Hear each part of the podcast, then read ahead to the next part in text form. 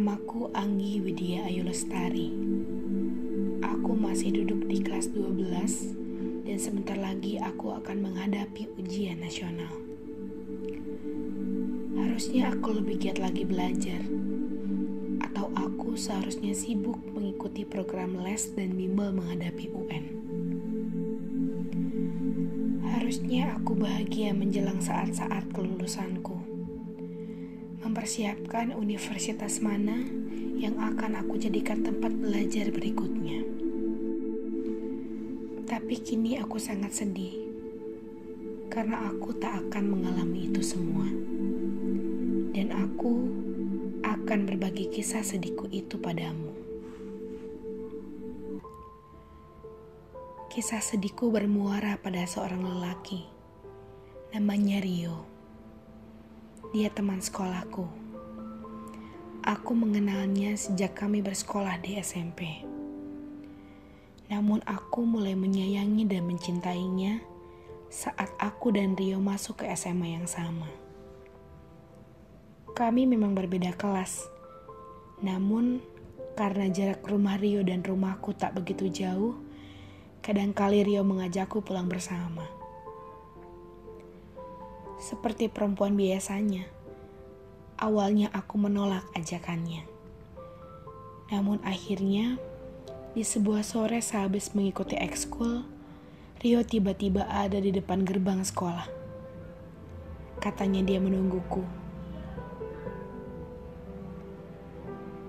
Setelah beberapa saat kami tak saling bicara, tubuhku secara tak sadar menaiki motor Rio. Entahlah, entah apa alasanku tiba-tiba menerima ajakannya itu. Aku pun tidak mengerti. Iya, sangat sederhana pada awalnya. Kisahku dan Rio berawal dari hal yang aneh itu. Hari berlalu, minggu berlalu, dan bulan-bulan mulai berganti. Hubungan kami mulai semakin dekat. Hampir setiap hari dia mengantar jemputku ke sekolah, mengajakku jalan, nonton, dan hampir setiap saat kami selalu bersama. Di sekolah hanya Rio teman dekatku, teman mengobrolku, dan temanku untuk bercerita.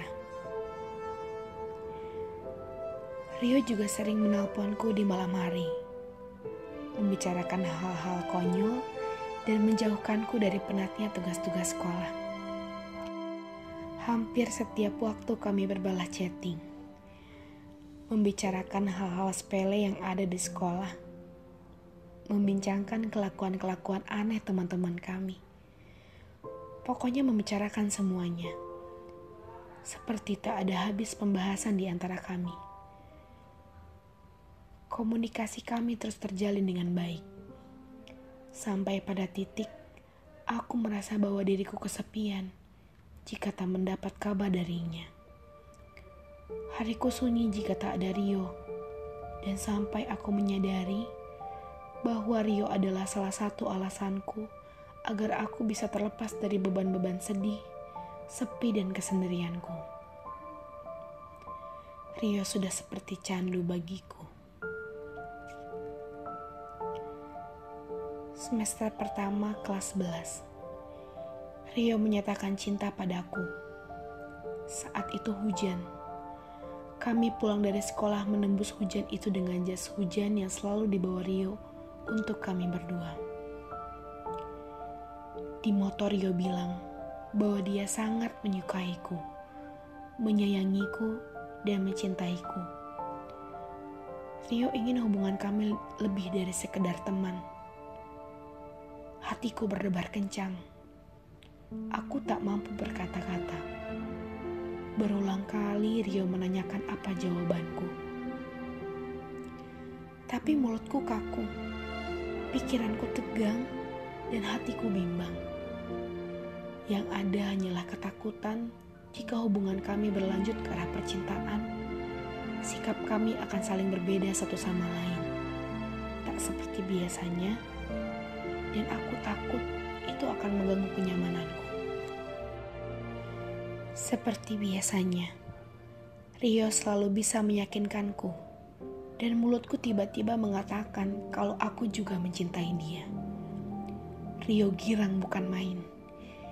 Dia seperti tak percaya bahwa aku mengatakan kalau aku mau jadi pacarnya. Setelah peristiwa itu, kekhawatiranku ternyata tidak terbukti. Hubungan kami tetap berjalan seperti biasanya. Rio masih seperti dulu.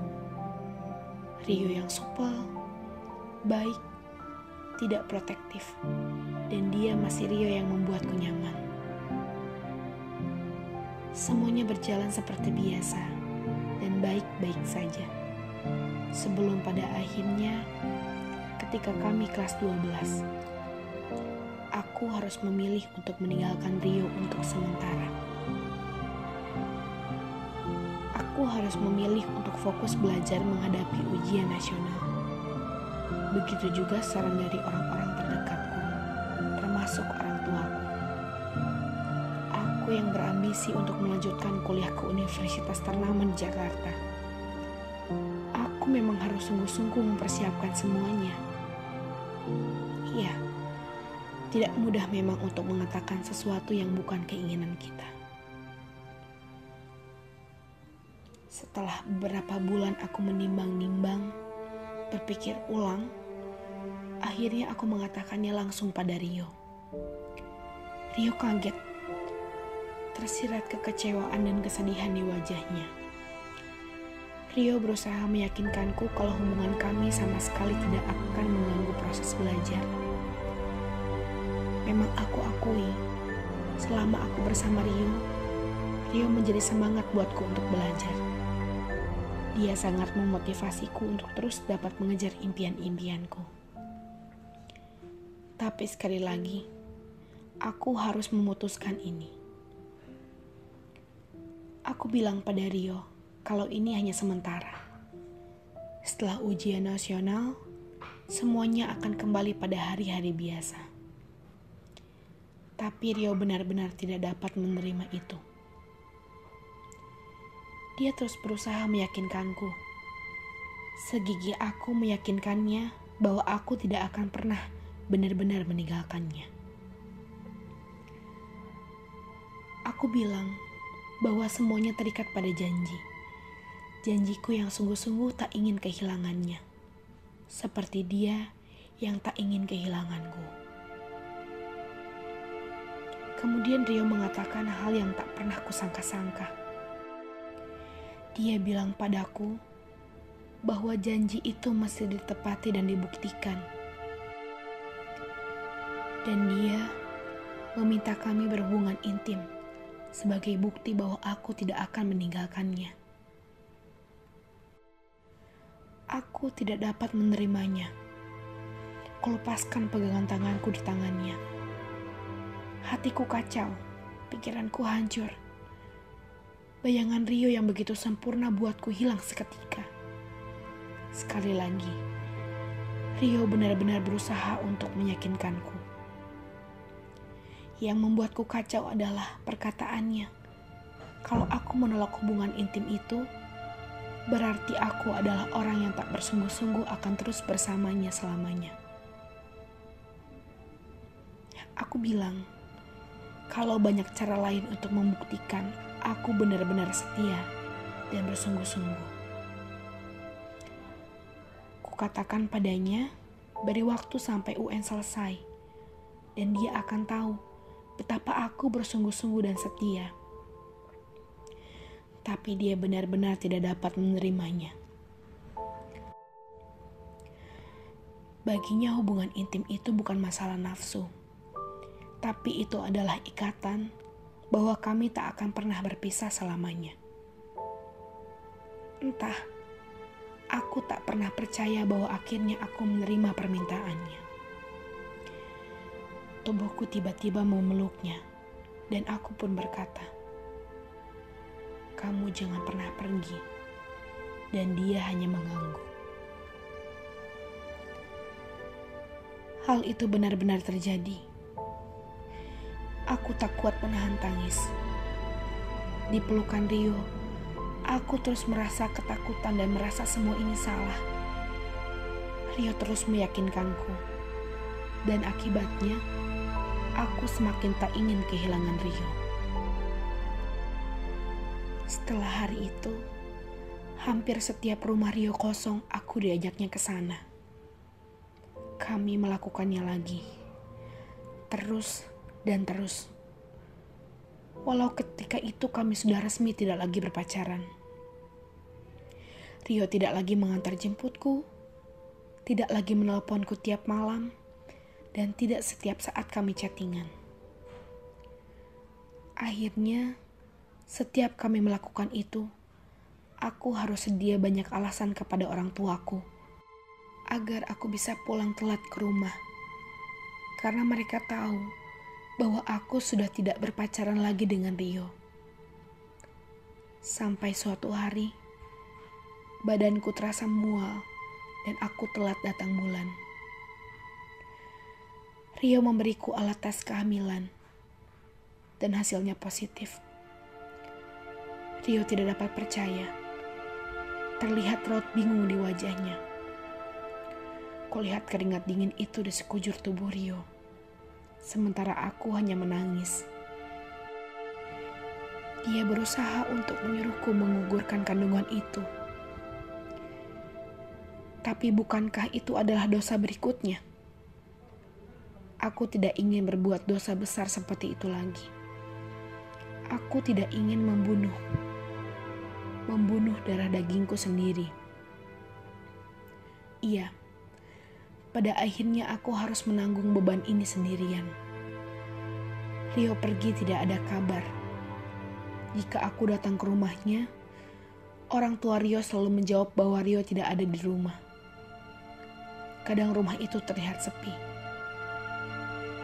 Di sekolah, dia selalu menghindariku. Dia seperti tak mau melihatku dan mengenalku lagi. Aku tak tahu harus bagaimana menghadapi itu semua.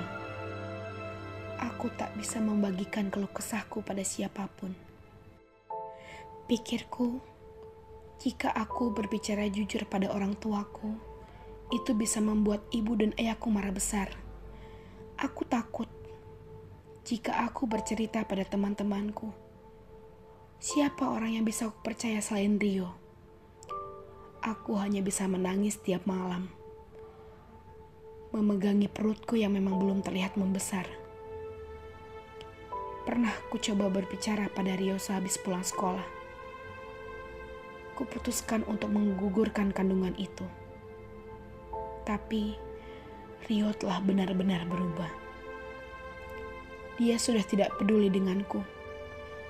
Dia sama sekali sudah tak ingin menyelesaikan masalah ini. Dia anggap ini adalah masalahku sendiri. Dan aku kembali pada kesendirianku, kesepianku, dan kesunyianku. Kini aku sudah tiada.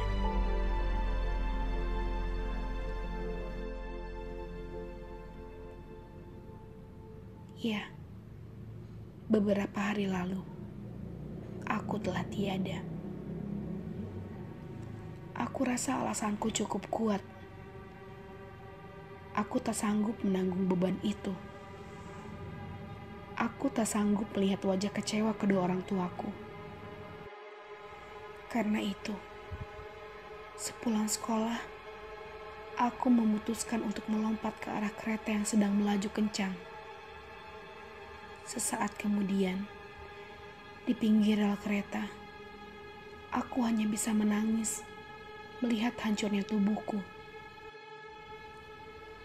Orang-orang berdatangan dan mencoba untuk menolong, mengumpulkan sisa-sisa tubuhku dan sisa-sisa kesedihanku. Sementara kereta itu terus melaju, menjauh, dan menghilang di kejauhan sana. Aku pikir kereta itu tak peduli pada kepalaku yang telah pecah, tanganku yang patah, ususku yang terburai, darahku yang bergelimang, kepingan kulit dan daging, serta tulangku yang berserakan. dan juga pada hatiku yang hancur lebur. Seperti orang-orang, seperti seorang lelaki yang pergi begitu saja tanpa rasa bersalah. Kini, salah satu bangku tempat duduk di kelasku kosong, tapi aku masih setia menunggu Rio. Menunggu Rio di sekolah sampai ujian nasional berakhir karena janji tetaplah janji.